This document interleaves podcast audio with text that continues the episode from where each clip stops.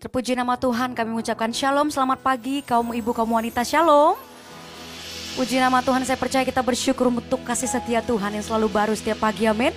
Rahmatnya dia limpahkan berlimpah-limpah dalam setiap kita. Berapa banyak ibu-ibu, kaum wanita yang siap memuji Tuhan. Boleh lambaikan tangan tinggi-tinggi. Mari sama-sama kita bangkit berdiri. Kita naikkan syukur buat kebaikan Tuhan. Sorakan haleluya.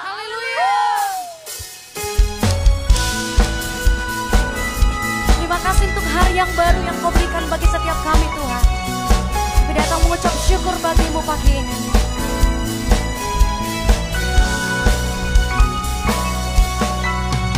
Di hadapan kemegahanmu ku datang menyembahmu membawa hatiku membawa hidupku kasih setiamu di dalam setiap langkahku Katakan. sungguh engkau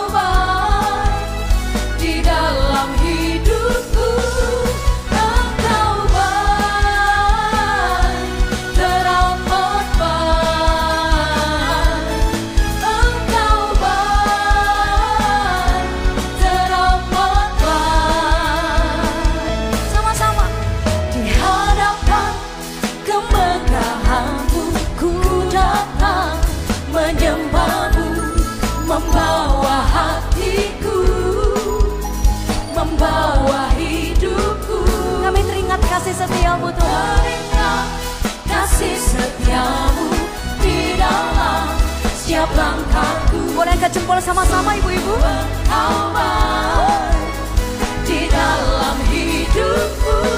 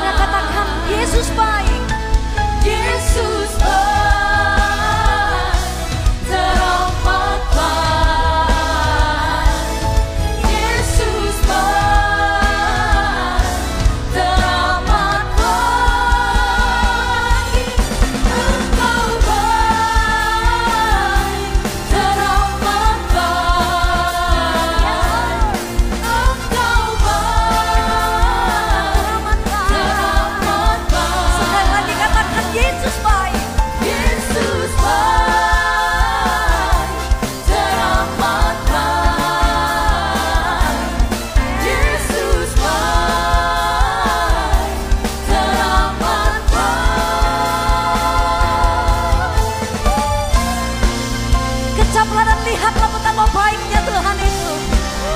Berbahagialah orang-orang yang menaruh harapnya kepada Tuhan. Sebab engkau tidak akan pernah dikecewakan. Wuh. Mari kita berikan tepuk tangan yang paling meriah bagi Tuhan Yesus. Sorakan. Haleluya. Mari silakan duduk kembali kaum wanitanya Tuhan.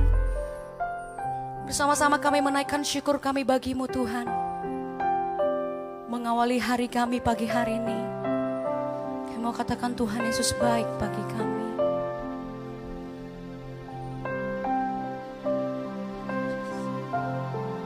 Sama-sama katakan.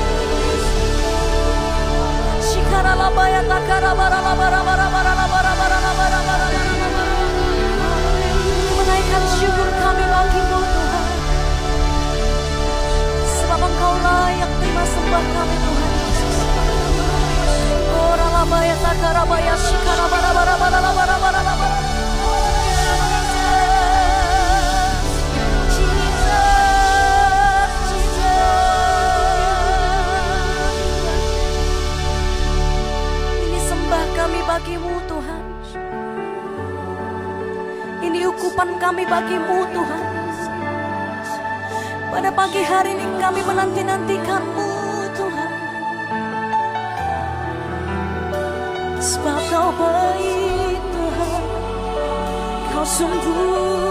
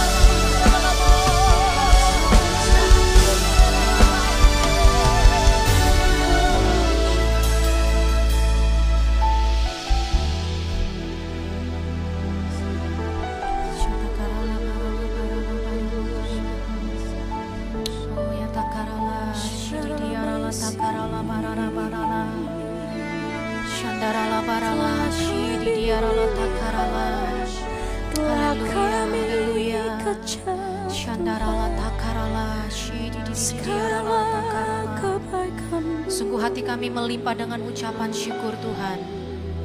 Engkau Tuhan yang tidak pernah meninggalkan setiap kami. Kami berterima kasih Tuhan untuk semua penyertaan Tuhan di sepanjang bulan yang telah kami lalui Tuhan. Kalau hari hari ini kami tiba Tuhan memasuki bulan yang baru. Tuhan kami mengucap syukur Tuhan. Kami berterima kasih, kami melihat kebesaran Tuhan, pertolongan Tuhan dalam hidup setiap kami. Kami menikmati janji-janjimu ya Tuhan. Terima kasih. Terima kasih Tuhan sebab Engkau baik bagi setiap kami. Engkau Allah yang tidak pernah meninggalkan setiap kami Tuhan. Apa pun yang menjadi keadaan kami hari ini. Kami mau tetap percaya Engkau Tuhan yang baik dalam hidup kami Tuhan. Oleh sebab itu pagi ini kami boleh datang para hamba-hambamu Tuhan. Kaum ibu, para wanita, kami boleh datang mempersembahkan hidup kami sebagai persembahan yang hidup dan yang berkenan kepada Tuhan. Kami berdoa, mari Roh Kudus lawat setiap kami hari ini. Kami buka hati kami ya Tuhan di hadapanmu. Oh ya rala shandarala takarala shidi diarala takarala. Oh ya rala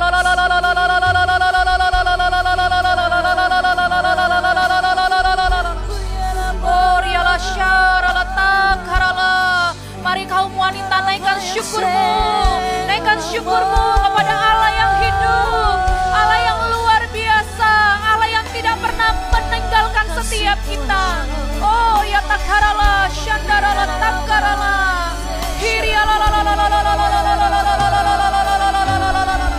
kami bersyukur Tuhan punya Allah yang seperti Engkau kami mengucap syukur untuk kebesaran-Mu ya Tuhan memasuki bulan yang baru, bulan Oktober.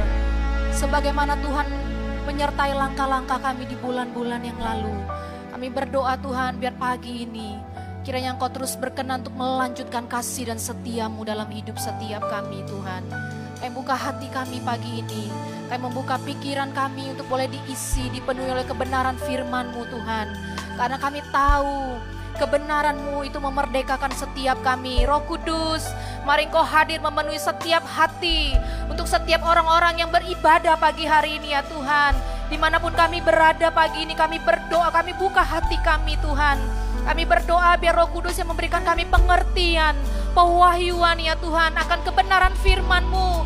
Sehingga setiap kali kami mendengar kebenaran firman-Mu, iman kami dibangkitkan Tuhan. Oh hidup kami berubah ya Tuhan. Terima kasih Bapak, terima kasih. Kami mengucap syukur untuk pagi ini ya Tuhan. Rapi hambamu ya Tuhan. Biar dengan cara yang sangat sederhana. Hambamu boleh menyampaikan kebenaran firmanmu pagi ini ya Tuhan. Roh Kudus Engkau mengurapi setiap kami. Ini hidup kami, ini hati kami. Biar mata kami, telinga kami, pikiran kami pagi ini diisi oleh kebenaran firman-Mu. Terpujilah Engkau ya Tuhan, kami mau duduk diam pagi ini. Mari para wanita Tuhan, hamba para kaum ibu, mari yang siap untuk boleh mendengarkan firman Tuhan. Bersama-sama kita katakan, Amin. Shalom, puji nama Tuhan. Apa kabar kaum ibu, para wanita? Kita bersyukur hari ini kita ada di bulan yang baru. Kita boleh menikmati setiap berkat-berkat dan anugerah Tuhan ya. Tidak terasa kita memasuki bulan yang ke-10 di tahun 2020 betapa Tuhan itu baik bagi setiap kehidupan kita. Katakan amin. Ya, bulan ini seperti bulan-bulan yang lalu gereja kita memiliki uh, tema untuk setiap bulan dan bulan ini kita akan memasuki tema yang baru yaitu diambil dari surat Roma ya. Nah, surat Roma ini adalah surat yang merupakan surat kiriman pertama dari Rasul Paulus. Ya, surat ini bukan ditujukan kepada orang yang tidak percaya, tapi Paulus menuliskan surat Roma ini ditujukan kepada orang-orang yang percaya, termasuk saudara dan saya ya. Jadi dalam kitab Roma biasanya kita akan uh, inti tema daripada kitab Roma itu kita akan melihat bahwasannya Orang benar itu hidup karena iman ya, pembenaran karena iman, bukan karena perbuatan baik kita, bukan karena sesuatu, tapi pembenaran oleh karena iman ya. Jadi sejak Tuhan membebaskan kita dari perhambaan dosa, yang mana kita tahu bahwa upah dosa itu adalah maut, tidak ada uh, yang lain, makanya kita telah dibebaskan ya untuk hidup di dalam kebenaran. Ya, Paulus menyatakan di dalam surat Roma 6 ayat yang ke-13 ya uh, mari kita baca bersama-sama. Dan janganlah kamu menyerahkan anggota-anggota tubuhmu kepada dosa untuk dipakai sebagai senjata kelaliman. Ya tetapi serahkanlah dirimu kepada Allah sebagai orang-orang yang dahulu mati tetapi yang sekarang hidup dan serahkanlah anggota-anggota tubuhmu kepada Allah untuk menjadi senjata-senjata kebenaran ya. Jadi kalau di dalam bahasa Inggris senjata-senjata disebutkan di diterjemahkan dalam bahasa Inggris itu instrumen di dalam eh, NIV yang saya baca ya. Nah, instrumen itu biasanya merupakan alat yang dipakai untuk mengerjakan segala sesuatu ya. Apakah mungkin kalau instrumen seperti musik ya untuk bisa membuatkan menghasilkan nada-nada yang indah, melodi-melodi yang indah. Sama halnya juga dengan tubuh kita. Ya, kita tahu sejak manusia diciptakan pertama sekali di Taman Eden, sebenarnya Tuhan itu punya tujuan yang mulia bagi setiap kita. Karena kita diciptakan segambar dan serupa dengan Allah. Amin. Ya, manusia diciptakan segambar dan serupa dengan Allah tujuannya untuk apa? Untuk bisa menyatakan kemuliaan dan kebesaran Tuhan di bumi ini. Makanya Tuhan itu Allah pada waktu Adam dan Hawa e, diciptakan, Tuhan memberikan perintah untuk bisa beranak cucu, kemudian bertambah banyak untuk bisa menguasai dan menaklukkan bumi supaya gambar Allah itu nyata di tengah-tengah bumi. Namun kalau kita mau melihat hari-hari ini, tubuh kita itu kita bisa pilih kita mau menggunakannya untuk apa ya. Yang pertama, dua hal yang bisa kita lakukan untuk tubuh kita ya. Yang pertama, tubuh ini kita persembahkan untuk Tuhan atau tubuh kita mau kita persembahkan untuk dosa. Seperti Roma 6 ayat 13 tadi katakan, janganlah serahkan dirimu menjadi senjata kelaliman karena begitu kita menyerahkan anggota tubuh kita kepada dosa maka si jahat atau iblis itu akan menggunakan itu menjadi senjata kelaliman tapi firman Tuhan katakan Rasul Paulus tegaskan kepada orang-orang percaya, yaitu kita, untuk bisa menyerahkan diri kita kepada Allah sebagai orang-orang yang dahulu mati. Kita bersama-sama dengan Yesus itu mati di dalam uh, di dalam dosa, kemudian begitu Yesus bangkit, kita yang percaya juga kita dibangkitkan di dalam kehidupan yang baru. Nah, sebagai orang percaya, maka kita harus paham bahwa eh, Roma 12 ayat 1 mengatakan, karena itu saudara-saudara demi kemurahan Allah yang hidup, aku menasehatkan kamu supaya kamu itu mempersembahkan tubuhmu sebagai persembahan yang hidup, yang kudus dan yang berkenan kepada Allah itu adalah ibadahmu yang sejati. Jadi mempersembahkan tubuh kita ini mulai dari ujung kepala sampai dengan ujung kaki itu merupakan persembahan kita yang sejati ya. Karena apa? Karena Paulus katakan di dalam 1 Korintus 6 Paulus mengatakan bahwa sebab kita ini telah lunas dibeli dan harganya itu telah lunas dibayar ya. Oleh karena itu muliakanlah Allah dengan tubuh kita. Jadi tugas terbesar kita uh, sebagai uh, baitnya Allah adalah memuliakan Tuhan dengan tubuh kita. Nah pertanyaannya hari-hari ini adalah bagaimana kita menggunakan tubuh kita sebagai instrumen kebenaran? Sudahkah kita menggunakan seluruh yang Tuhan ciptakan ini menjadi instrumen kebenaran? Ya, saya mencoba untuk membagi uh, anggota tubuh jadi kita akan melihat masing-masing anggota tubuh ini apa sih sebenarnya tujuan Tuhan ciptakan masing-masingnya.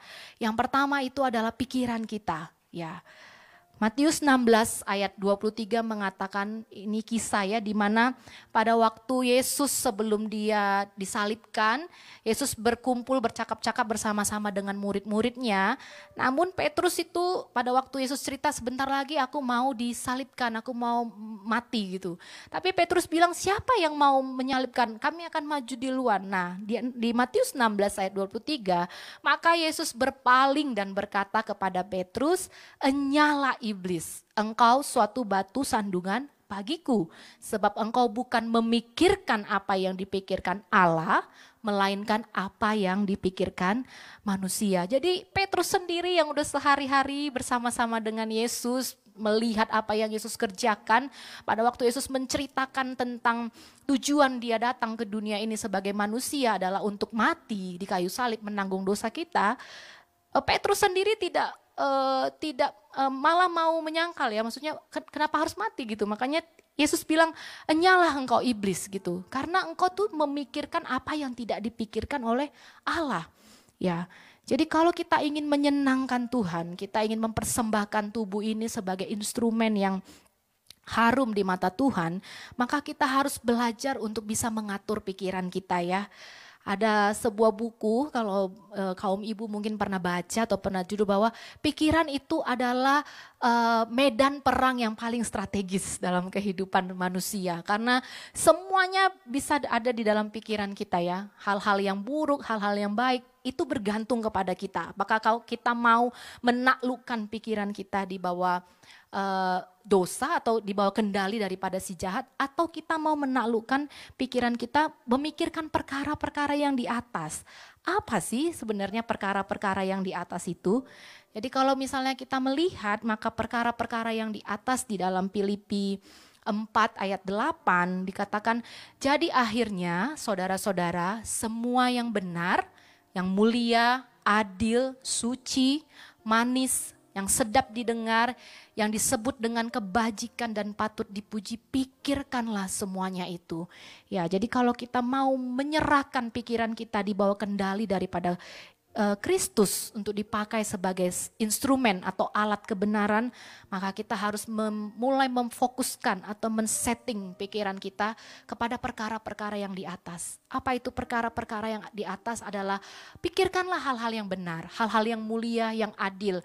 Walaupun hari-hari ini agak sulit ya karena berita di mana-mana membuat kita itu kalut, cemas, ya kita melihat bahwasannya dengan pandemi yang ada melanda hampir seluruh belahan dunia hari ini, ekonomi mulai goyah, kemudian mungkin ada di antara kita yang sudah mulai kena imbasnya. Apakah mungkin uh, suami kita, mungkin pekerjaannya sudah mulai kena imbasnya atau kita sendiri juga mulai kena imbas daripada uh, pandemi yang ada secara ekonomi mungkin, secara kesehatan.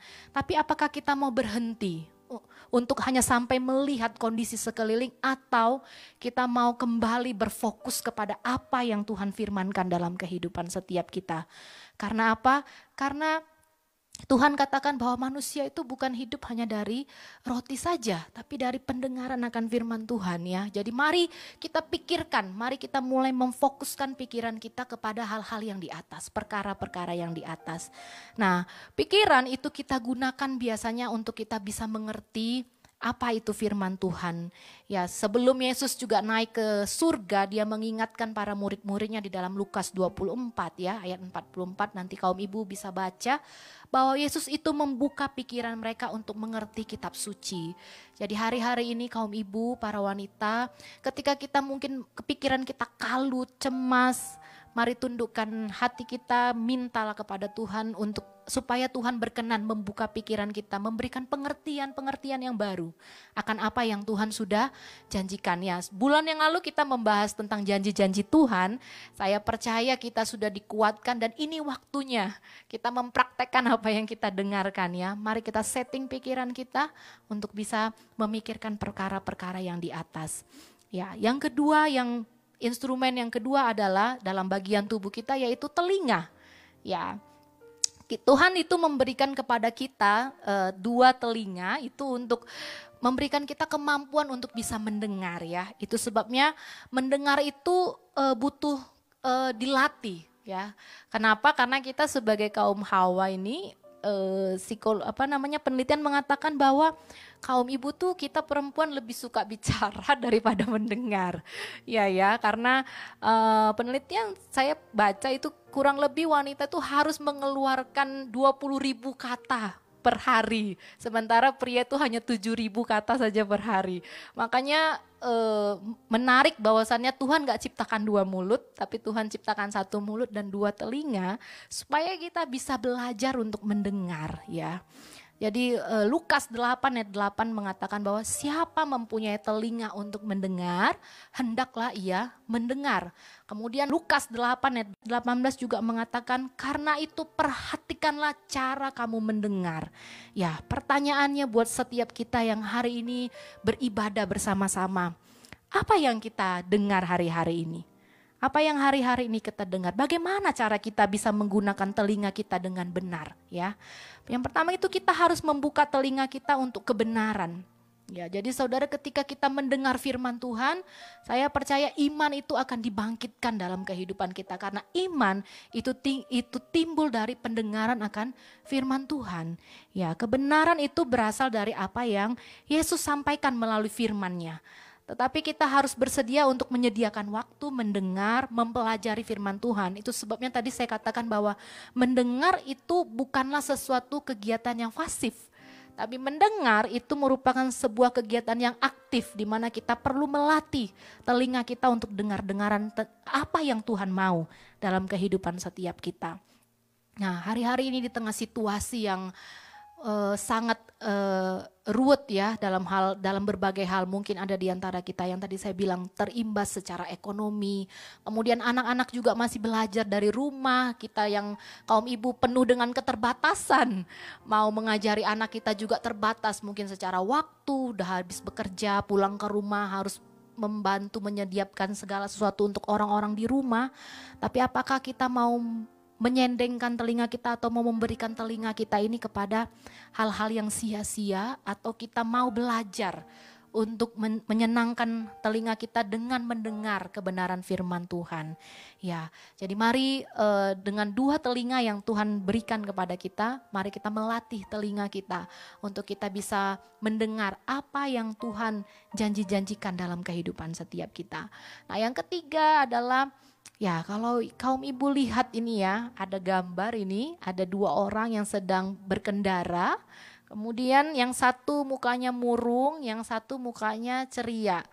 Ya, eh, dalam hidup ini setiap orang saya percaya pasti lah pernah mengalami kondisi yang seperti ini ya. Tapi pilihan itu ada di dalam kita, di dalam setiap kita. Apakah kita mau seperti orang yang berbaju warna hijau ini? Uh, dia hanya asik sibuk melihat tebing saja, tidak tidak mengarahkan matanya itu kepada pemandangan yang di sebelah uh, kirinya gitu. Sementara yang uh, yang berbaju ungu muda ini dia mencoba untuk memfokuskan matanya kepada pemandangan yang ada di jalan sana walaupun di sebelah kanannya ada tebing yang curam. Ya. Jadi kita tentu tidak bisa selalu mengontrol apa yang kita lihat ya. Tapi saya percaya kita itu perlu mengendalikan arah fokus daripada penglihatan kita, mata kita.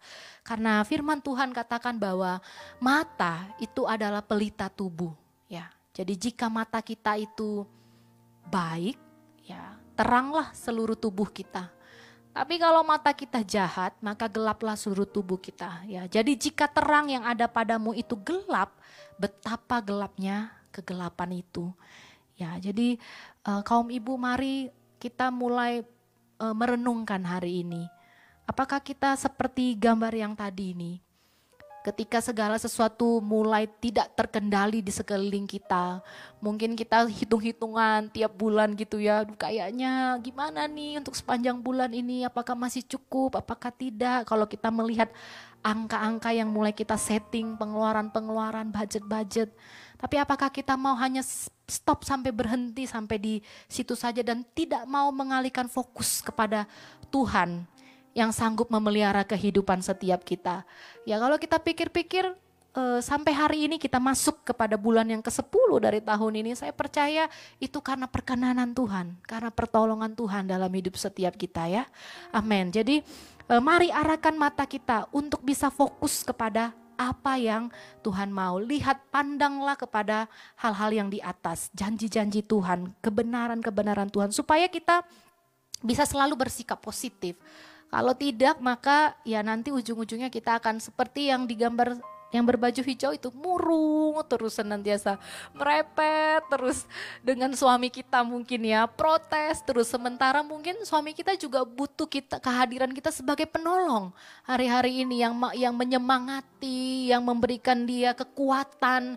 Walaupun mungkin dengan kondisi mungkin di kantornya seperti apa justru makanya kita sebagai penolong harus mengambil peran yang sangat besar hari-hari ini. Tidak hanya tidak hanya kepada pasangan kita, tapi juga kepada anak-anak kita. Mungkin yang mulai bosan ya, mereka nggak bertemu dengan teman-teman sekolah mereka, ketemunya hanya di virtual melalui zooming mungkin atau melalui Google Classroom. Ya uh, sudah mulai membosankan pasti buat anak-anak. Ya tapi uh, kita juga harus menjadi penyemangat bagi mereka sekalipun kita terbatas misalnya di dalam mengajari mereka mengerjakan tugas-tugas dari sekolah, mari arahkan mata kita kepada Tuhan. Ya, sekali lagi saya katakan kita tidak bisa selalu mengontrol apa yang kita lihat. Tapi satu hal yang pasti kita bisa belajar untuk mengendalikan arah fokus kehidupan dan mata kita. Nah, eh, bagian tubuh yang yang selanjutnya yang ada dalam kehidupan kita yang Tuhan ciptakan sebagai instrumen kebenaran itu seharusnya adalah lidah ya. Jadi kita tahu bahwa perkataan itu sangat penting ya. Makanya orang bilang e, manusia itu yang bisa dipegang itu ya perkataannya nggak ada yang lain karena manusia nggak punya ekor. Kecuali binatang ya mohon maaf. Tapi manusia tuh yang dipegang tuh ya perkataannya. Makanya Amsal 18 ayat 21 katakan hidup dan mati itu dikuasai oleh lidah. Siapa suka menggemakannya maka akan memakan buahnya. Ya dalam kondisi-kondisi yang yang berat hari-hari ini Yakobus uh, juga mengatakan hal yang penting ya dalam mengendalikan lidah kita untuk tidak menggunakan kata-kata yang destruktif, kata-kata yang merusak, kata-kata yang kasar, kata-kata yang tidak membangun, yang tidak memberkati ya. Yakobus 3 ayat 5 sampai dengan 6a dikatakan bahwa demikian juga lidah walaupun suatu anggota kecil dari tubuh namun dapat memegahkan perkara-perkara yang besar. Lidah pun adalah api.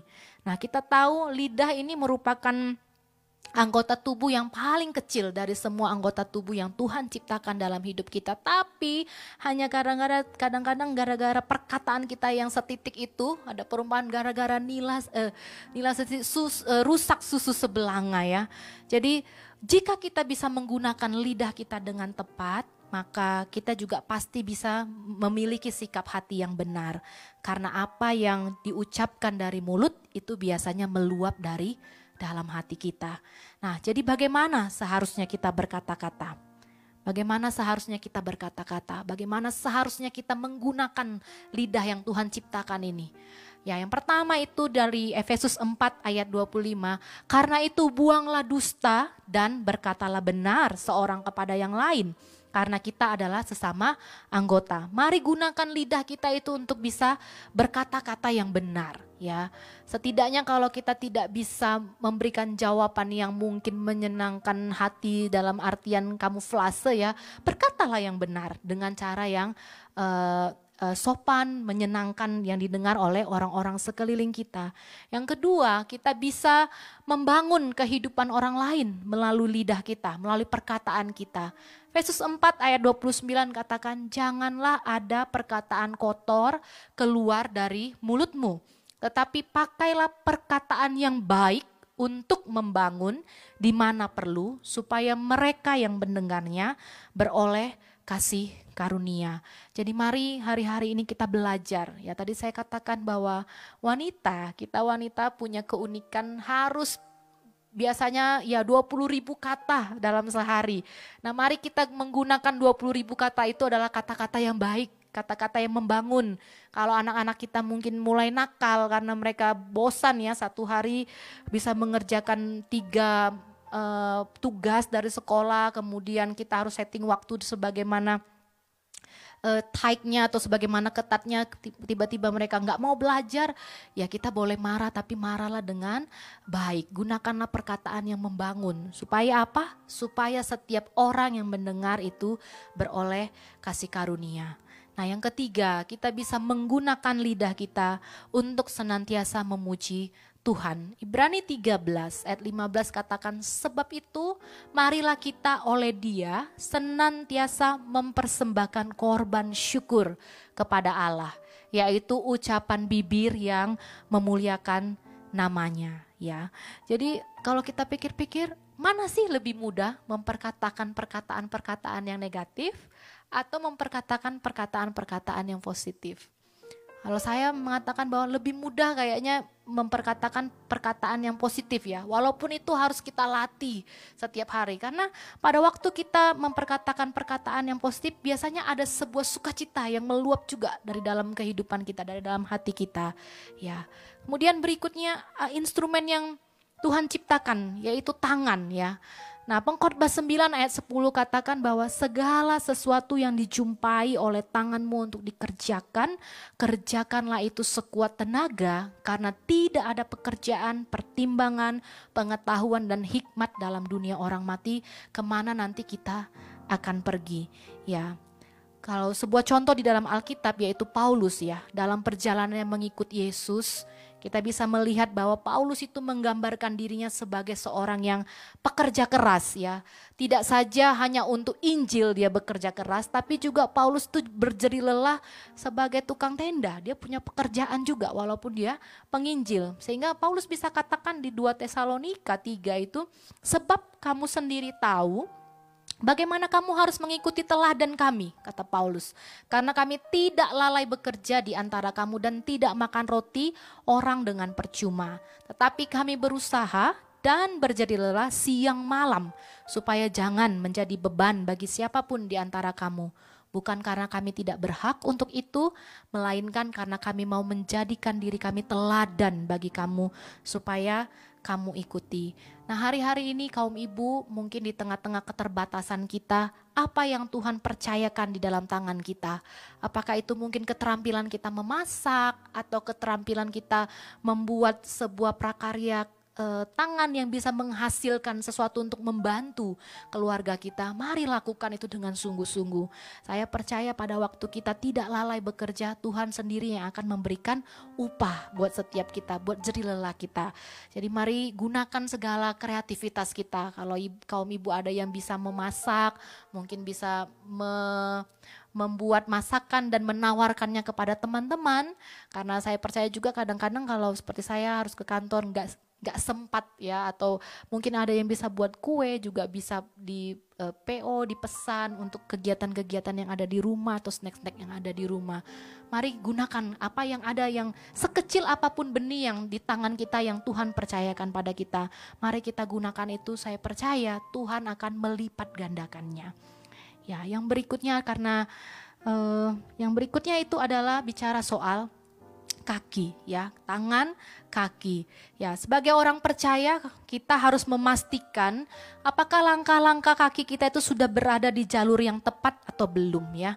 Apakah kita sedang berjalan ke dalam kebinasaan atau kita sedang berjalan menuju kepada kehidupan. Karena Matius 7 ayat 14 katakan karena sesaklah pintu dan sempitlah jalan yang menuju kepada kehidupan dan sedikit orang yang mendapatinya. Nah, bagaimana cara kita bisa terus mengarahkan kaki kita ini berjalan di jalan yang sempit itu, yaitu jalan kebenaran. Jadikanlah firman Tuhan menjadi pelita dan terang dalam kehidupan setiap kita. Karena pemazmur katakan firman Tuhan itu pelita bagi kaki kita dan terang bagi jalan kita.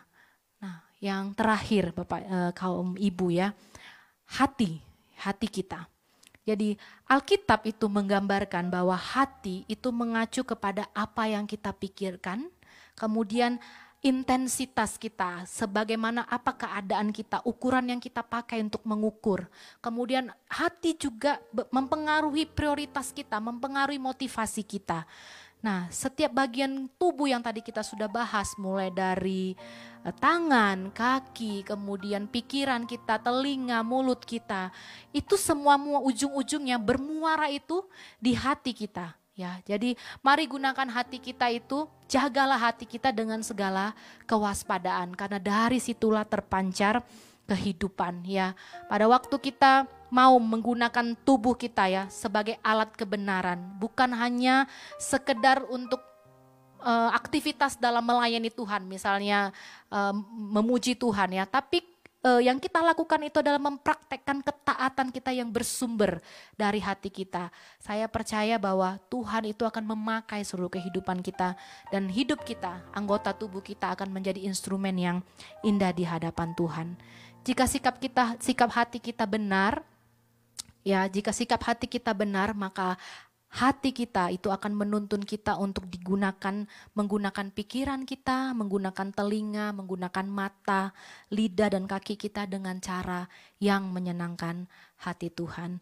Ya, mari kita uh, merenungkan hari ini mengenai instrumen ya, instrumen kebenaran seluruh anggota tubuh yang Tuhan percayakan bagi setiap kita. Mari saya mengundang kaum ibu untuk boleh bangkit berdiri di mana pun kaum ibu berada. Untuk boleh merenungkan sejenak apa yang menjadi prioritas kita hari-hari ini. Sudahkah kita menggunakan anggota tubuh kita sebagai instrumen yang menyenangkan hati Tuhan. Nah, saya mengilustrasikan anggota tubuh itu kalau diibaratkan sebagai sebuah orkestra yang di dalamnya itu berbagai jenis musik ya. Anggaplah misalnya piano itu anggota tubuh yang mana. Nah, orkestra itu biasanya dipimpin oleh seorang konduktor. Apakah bisa uh, sebuah orkestra, sebuah grup orkestra itu bermain tanpa konduktor? Bisa. Tapi alunan nada-nadanya itu tidak akan mungkin seindah pada waktu dipimpin oleh seorang konduktor. Karena masing-masing instrumen itu harus di, harus diarahkan kapan dia masuk di part yang mana di bagian yang mana. Sama halnya dengan tubuh kita. Kaum ibu para wanita Tuhan itu adalah pribadi yang menciptakan seluruh anggota tubuh kita Apakah kita mau menyerahkan seluruh anggota tubuh kita ini kepada konduktor yang akan mengarahkan, menggerakkan kehidupan kita untuk dipakai sebagai alat di tangan Tuhan. Sehingga dari kehidupan kita akan mengalir nada-nada yang indah. Mari hari ini sama-sama naikkan pujian ini di hadapan Tuhan. Makasih Tuhan. Bapak Ku persembahkan tubuhku sebagai persembahan yang hidup, kudus dan yang berkenan padamu sebagai ibadah yang sejati.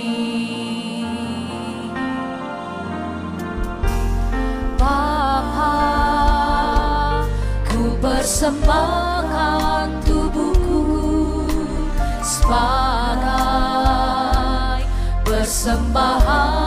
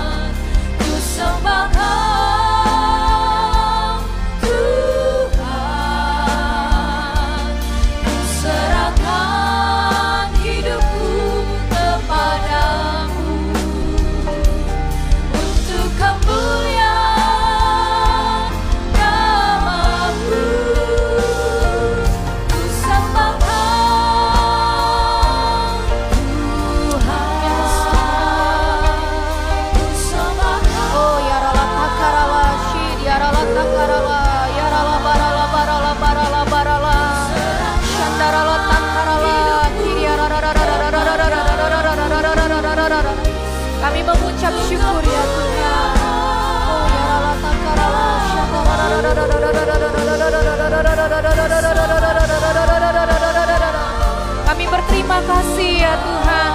Kau Allah yang baik dalam kehidupan setiap kami. Siang ini Tuhan kami telah mendengar sebagian daripada firman-Mu. Kami mengucap syukur ya Tuhan kalau Kau menciptakan kami segambar dan serupa dengan Engkau. Kalau Kau menciptakan setiap anggota tubuh kami boleh dipakai sebagai senjata, sebagai instrumen di tangan-Mu ya Tuhan.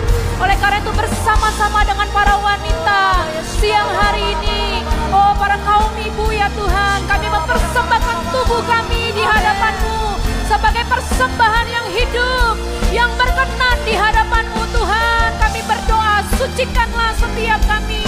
Biar kiranya Engkau berkenan ya Tuhan menggunakan, memakai pikiran kami, memakai mata kami, telinga kami, perkataan kami, lidah kami ya Tuhan, tangan kami, kaki kami ya Tuhan, hati kami, untuk boleh menjadi alatmu di sepanjang bulan ini.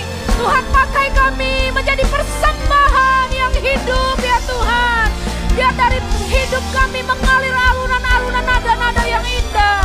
Sehingga keluarga kami, pasangan kami, anak-anak kami, orang-orang yang terdekat kami boleh mencicipi buah-buah dalam kehidupan kami Tuhan. Oh terima kasih Tuhan. Roh Kudus Engkau memberikan kami kekuatan. Memberikan kami kekuatan ya Tuhan. Untuk kami boleh menjadi alat yang indah di tanganmu. Kami mau melembutkan hati kami untuk kami boleh dibentuk Tuhan, diasah. Oh terima kasih Tuhan, terima kasih. Hambamu telah selesai menyampaikan kebenaran firman-Mu. Tapi kami percaya Roh Kudus, Engkau tidak pernah berhenti dalam kehidupan setiap kami. Engkau selalu bekerja untuk boleh menuntun kami ke dalam seluruh pewahyuan-pewahyuan yang baru akan kebenaran firman-Mu pagi ini. Terima kasih Tuhan untuk kebenaran firman-Mu. Pagi ini kami berdoa untuk suruh kaum ibu ya Tuhan, para wanita-wanita di mana saja mereka boleh mendengarkan ibadah ini, mengikuti ibadah ini. Tuhan Engkau lah menjadi kekuatan kami, penolong kami ya Tuhan, menuntun setiap langkah-langkah kami. Kami berdoa jikalau ada yang sedang sakit hari ini, dari tempat ini Tuhan, kami bersepakat bersehati, biarlah kesembuhan terjadi di dalam nama Tuhan Yesus. Dan kami berdoa Tuhan untuk setiap kami yang sedang mengalami masalah keuangan, Tuhan kami berdoa kiranya Tuhan yang membawa kami keluar karena kami percaya Engkau Allah Jehovah Jireh kami. Engkau penyedia kami ya Tuhan. Engkau mencurahkan segala berkat-berkat yang kami perlukan. Terima kasih Tuhan kami mengucap syukur berkatmu atas setiap rumah tangga demi rumah tangga ya Tuhan. Engkau memberkati para suami kami. Engkau memberkati anak-anak kami ya Tuhan. Biarlah rumah tangga-rumah tangga boleh dipenuhi oleh kasih karunia Tuhan, damai sejahtera-Mu ya Tuhan. Terima kasih Bapak yang baik. Siang ini juga kami berdoa Tuhan untuk bangsa dan negeri kami. Kami mengucap syukur Tuhan untuk pertolongan Tuhan atas bangsa kami. Tuhan terima kasih di tengah-tengah resesi yang ada hari-hari Tuhan terus menolong kami keluar. Kami mengucap syukur untuk pemerintahan kami. Kami mengucap syukur untuk presiden kami Bapak Joko Widodo. Kami mengucap syukur untuk wakil presiden Bapak Kiai Haji Maruf Amin ya Tuhan. Bahkan seluruh menteri kabinet kerja yang ada ya Tuhan. Oh kami berdoa untuk seluruh aparatur negara dan lembaga-lembaga yudikatif, eksekutif, dan legislatif ya Tuhan. Kami bawa hamba-hambamu, TNI dan Polri Tuhan. Secara khusus kami berdoa ya Tuhan untuk tenaga medis, tim gugus COVID yang ada di negeri kami. Di setiap kota demi kota, provinsi demi provinsi. Tuhan kiranya Engkau menolong hamba-hambamu untuk membawa kami keluar, membawa bangsa ini keluar dari segala persoalan yang ada, keluar dari persoalan kesehatan, dari dari persoalan ekonomi yang ada ya Tuhan. Tuntunlah negeri kami Tuhan kepada negeri yang berlimpah-limpah dengan susu dan madunya. Terima kasih Tuhan, kami mengucap syukur ya Tuhan. Kami berdoa untuk suruh kepala-kepala daerah yang ada di 34 provinsi ya Tuhan, wali kota, bupati yang ada bahkan sampai kepada pemerintahan yang paling kecil di lingkup di tingkat lingkungan rumah ya Tuhan. Kau memberkati mereka, beri hikmat, kekuatan, kebijaksanaan dan sukacita Tuhan itulah menjadi kekuatan mereka dalam mereka menjalankan tugas-tugas mereka. Terima kasih Tuhan, kami mengucap syukur. Kami juga berdoa untuk para pemimpin-pemimpin rohani kami. Tuhan kami berdoa untuk gembala pembina kami yang ada di Jakarta, Bapak Dr. Insinyur Niko Rotor Harjo. Gembala pembina kami, Bapak Pendeta Air Bambang Yonan, Ibu Santi Alfred dan Tiffany.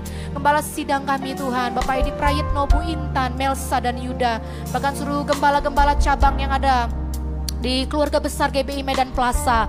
Kami berdoa biar kiranya kasih karunia Tuhan berlimpah-limpah atas gerejamu dan suruh hamba-hambamu ya Tuhan. Kami aman dalam perlindungan Tuhan. Berikan kami kesatuan hati hari-hari ini untuk boleh terus menjadi berkat.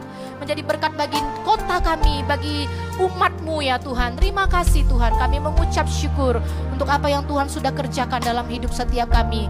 Bahkan hari ini juga Tuhan kami mengucap syukur untuk setiap kami yang datang membawa persembahan kami di hadapanmu. Tuhan terima kasih dari dari setiap berkat yang Tuhan beri.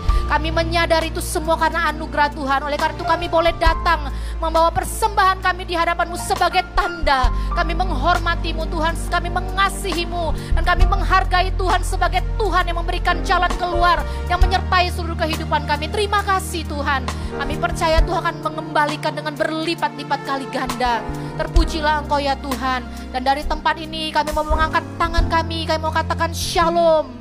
Shalom Yerusalem, diberkatilah tembok-tembok dan purimu. Beras sentosa, itu boleh ada atas umatmu dan atas kota kudusmu ya Tuhan. Terima kasih Tuhan. Kami berdoa biar berkat yang ada di Yerusalem itu boleh mengalir atas negeri kami, atas gerejamu, atas setiap rumah tangga kami ya Tuhan. Terima kasih Bapak. Terima kasih Tuhan. Kalau sebentar kami akan melanjutkan aktivitas kami Tuhan. Mari kaum ibu, para wanita yang ada di mana pun engkau berada, arahkan hatimu dan angkatlah tanganmu dan wajahmu ke surga. Terimalah berkat yang daripada Allah Bapa, kasih karunia yang sempurna daripada Allah Bapa. Di dalam anaknya yang tunggal Tuhan Yesus. Dan dalam persekutuan yang manis dengan ruang roh kudus itulah yang akan memberikan kita kekuatan untuk boleh menjadi alat di tangan Tuhan di sepanjang bulan ini.